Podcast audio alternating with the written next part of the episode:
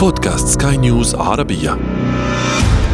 شريط سينما. شريط تتابعون في هذه الحلقة. الحقيقة لو جيت أشوف جان لوك غودار حياته نفسها كانت حدث غريب ومماته نفس الحكاية.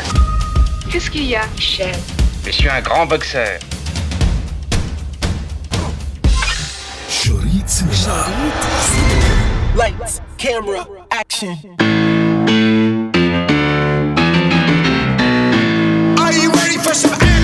السينما والنجوم وصناع الأفلام وأيضا الأبطال وراء الكواليس. كتاب مفصل قد يحمل في طياته الكثير من الأسرار في حياتهم الشخصية والمهنية واليومية التي قد تتحول بدورها إلى سيناريو قد يصبح مادة فنية تقدم للجمهور. ولكن بعيدا عن كل هذا الآن سنتحدث عن فقدان أيقونة من أيقونات صناع الأفلام. موضوع هذه الحلقة من بودكاست شريط سينما عن رحيل المخرج الفرنسي جون لوك جودار نقاش تحليلي حول خبايا الوفاة وخفاياها. معي أنا ابتسام العكريمي على بودكاست سكاي نيوز عربية.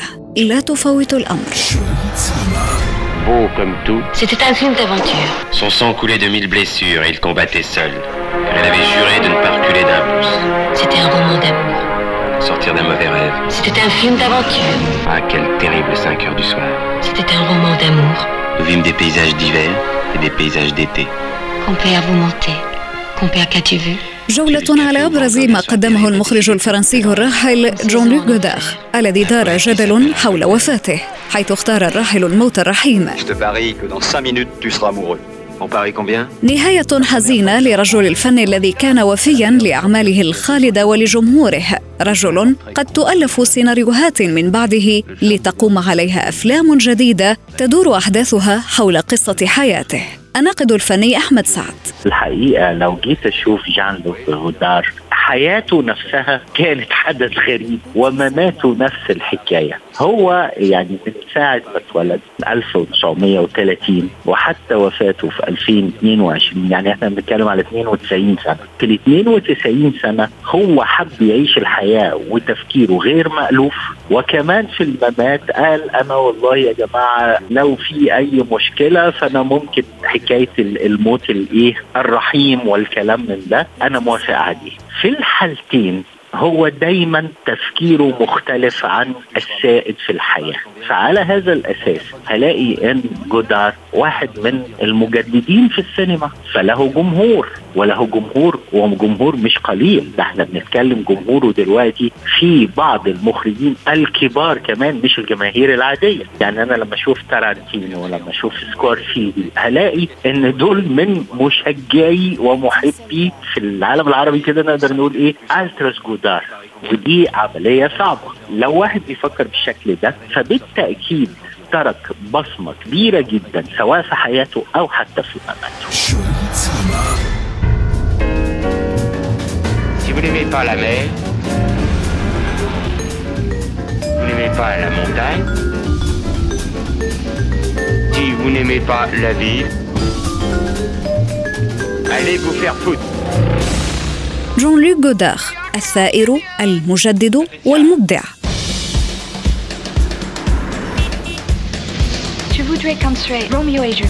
Oh لم يشأ الراحل أن يسير على نهج البقية. لقد اختار نمطا آخر من السينما. هي سينما لا تشبه غيرها. خليط من الفلسفة الملونة بالصور يترجمها نجوم العمل وكأنه يريد أن يخاطب المشاهد ويقول فكر معي. لا تشاهد بعينك بل بعقلك وفكرك. إحنا عارفين إن السينما ابتدت أصلا في نهاية القرن ال 19 يعني لو بنتكلم بنقول بدأت في 1895 ولكن أخذت بداية القرن العشرين في تطوير بشكل كبير حتى لما جاء عليها الحرب العالمية الأولى والحرب العالمية الثانية وحاولوا إن هم يأخروا شوية في التطوير ولكن كانت ماشية في التطوير. ولكن كانت بأسلوب سرد كلاسيك. لما جه جودار جودار دايما كان بيفكر طب أنا عندي مرجعية فكرية. بتقول إيه؟ بتقول أنا بطرح وجهة نظر. وكمان مش بس وجهة النظر دي في أسلوب السرد لا ده حتى مكونات الفيلم كله بتتكلم عن ده. عشان كده هلاقي الكاميرا التصوير الإخراج العلاقة ما بين الممثلين في أسلوب السرد مختلف شوية عن ما كان سائدا. عشان كده هو مجدد مجدد دايما في الأسلوب السينمائي. السينما قايمة على أدوات موجودة. يعني أنا النهارده عشان أعمل فيلم مش لازم يكون عندي كاميرا يكون عندي مصور يكون عندي مخرج يكون عندي صوت ومزيكا ولا آخره وكاتب أو سيناريست. ولكن هنا بقى بتفرق المخرج بياخد أي أسلوب في حكي الموضوع اللي هو عايزه. هنا بتفرق بقى أسلوب من مخرج إلى مخرج من صاحب رؤية إلى فنان كلاسيك. اللي هو ماشي مع السائد الموجود وهكذا اللي يلعب في المضمون. عشان كده السينما دايما دايما كان يقولوا عليه فن شاب. ليه؟ لأن الشباب بيبقى عنده فوران كده ان هو عايز يعمل حاجة جديدة عايز يخرج بره الصندوق. في اللي بينجح وفي اللي ما بينجحش. من هؤلاء اللي نجحوا أقدر أقول إن جودار كان واحد من أهم المجددين في السينما بداية من 1960 الفيلم الروائي الأول اللي هو النفس لاهس الترجمة بتاعته بالعربي. وحتى آخر أفلامه أفتكر إن آخر أفلامه في 2018 2019 قبل الكورونا بشوية كان آه اللي هو The Image Book أو كتاب الصورة. كل الفترة دي هو عنده تجارب. التجارب بتجيب نتيجة والناس بتفكر فيها. يعني دايما هو بيعتمد على عايز أشرك المشاهد معايا يفكر. أنا بقدم له أسلوب جديد ولكن ما هو مش هيتفرج عليه وبس لازم يفكر. ده الفارق ما بين واحد بيعمل سينما ترفيهية وواحد بيعمل سينما الناس تحب تفكر معاه. من المخرجين مثلا لدينا المخرجين العرب الذين ساروا على هذا النهج أو حتى من اقترب منه؟ مع اختلافات في الأسلوب هلاقي إن أنا عندي في العالم العربي أكتر من مخرج حاول إن هو يفكر بره الصندوق اقترب شوية من جودار ولكن مع اختلاف إن هو ليه أسلوبه الخاص أو طور الأسلوب لصالح نفسه. في يوسف شاهين في المجموعة بتاعه محمد خان وعطف الطيب وداود عبد السيد والناس دي. درسوا كويس جدا. الفكر الذي يقدم من جودار واشتغلوا عليه بأسلوب يتماشى مع المجتمع اللي هم فيه. لأن ممكن كان يتماشى مع المجتمع الفرنسي أو الأمريكي أو الأوروبي لا يتماشى مع المجتمع العربي. وهكذا في تونس أفتكر المخرج نوري بوزيد هو اقترب في فترة من الفترات من هذا الأسلوب. على أساس إن نوري حب يعمل لنفسه أسلوب خاص. صحيح. والنوري أيضا من من المخرجين العرب الذين يحبون أن يثوروا على كل الكلاسيكيات. ما هو هنا بقى الجميل؟ الخروج خارج الصندوق وخروج على المألوف دي حاجة مهمة جدا. وهو ده الأفضل لأن دايما أنا مش هفضل دايما في الكلاسيك. مش هفضل في إن أنا ألعب في المضمون. الحاجة اللي نجحت أمشي وراها. لا أنا أفكر. ليه؟ لأن العقل البشري وحتى المشاهد سواء العربي أو الأجنبي المشاهد بعد فترة بيمل. إحنا لو فضلنا ناكل وجبة واحدة بنفس النوع لمدة عشر أيام مش هيبقى لها طعم فمحتاجة وجبات أخرى. السينما نفس الحكاية. أنا لو قعدت أتفرج على 10 أفلام 20 فيلم 100 فيلم بشكل معين بعد كده طب ما أنا محتاج تجديد. أنا مش مجرد ما أقعد والنور يطفي وأنا قدام الشاشة والمفروض إن أنا هدخل في عالم سحري جديد أبقى عارف إيه بدايته ووسطه ونهايته لا أنا عايز أشوف حاجة تشدني تستفزني من جوه. وأعتقد إن ده اللي عمله جودار وده اللي عمله برضه اللي مشي على نفس النهج باساليب قريبة مش هقول إن هي زيه لكن أساليب قريبة لأن كل إنسان ليه بصمته. ممكن نوري شاهين وخان والمجموعة. لما أعمل فلوس هجيب لكم فيلا كبيرة. فيها حمام سباحة كبير. وترابيزه بلياردو كمان. تعرفوا أنتوا الاثنين؟ يعني ترابيزة برياض ترابيزه بلياردو كبيرة كده ترابيزه كبيرة خضرة كده عليها كور كتير كده ومضرب. تيار السينما المستقلة هو الآخر قد تأثر بفلسفة الراحل جوداغ وحاول أن يسير على دربه لعله يشبه ما بناه من عالم صناعة الأفلام الذي لا يشبه غيره في الرؤية الإخراجية. كل فترة في مجموعة مخرجين شباب بيبقوا موجودين في السينما سواء في السينما العالمية أو حتى في الوطن العربي. هؤلاء ممكن يتعبوا شوية في مقاييس السوق اللي هم بيشتغلوا فيه الماركتنج والشكل الإنتاجي اللي بيفرض عليهم شكل معين. فممكن ما يشتغلوش باللي هم بأفكارهم اللي هم عايزينها. فدي بتاخد منهم شوية. لكن الحقيقة خلال العشر سنين اللي فاتوا ظهر ما يسمى بالسينما المستقلة تيار السينما المستقلة. ما بيعتمدش على نجومية الممثل على قد ما بيعتمد على الفكر والأسلوب والموضوع اللي هيقدمه المخرج هل ستوافقني الرأي إذا أخبرتك أنه ممكن ناخذ مثلا فيلم ريش؟ ليه لا؟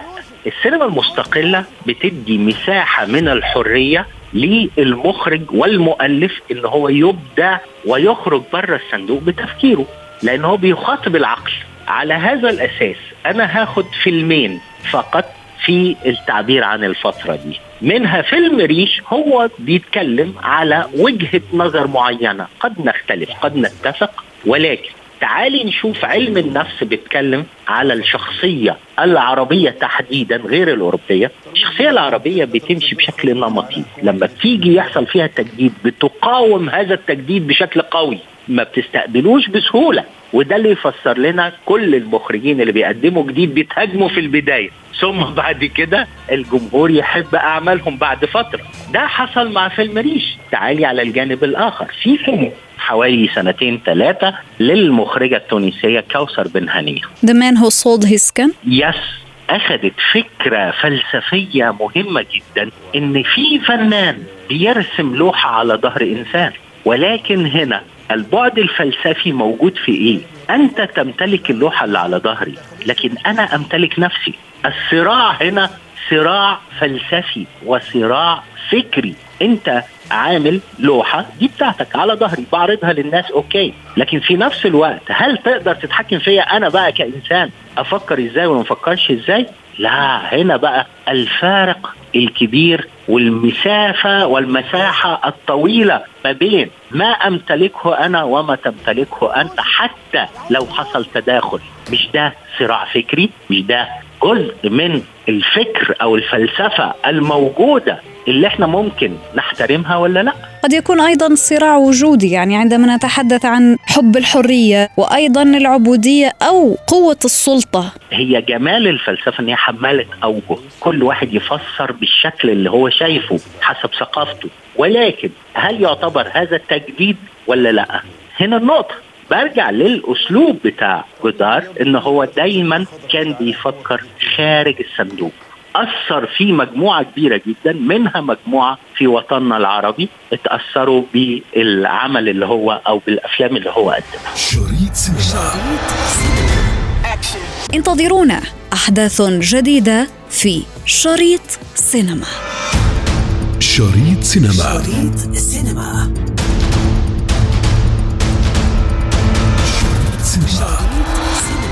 في ختام حلقتنا من شريط سينما ضمن منصة بودكاست سكاي نيوز عربية. نذكركم بمتابعتنا والاستماع لنا عبر تحميل منصاتنا المختلفة من البودكاست التي تجدونها على Apple Store و Google Play كنت معكم في التقديم أنا ابتسام العكريمي ومن إخراج نويل بولوس.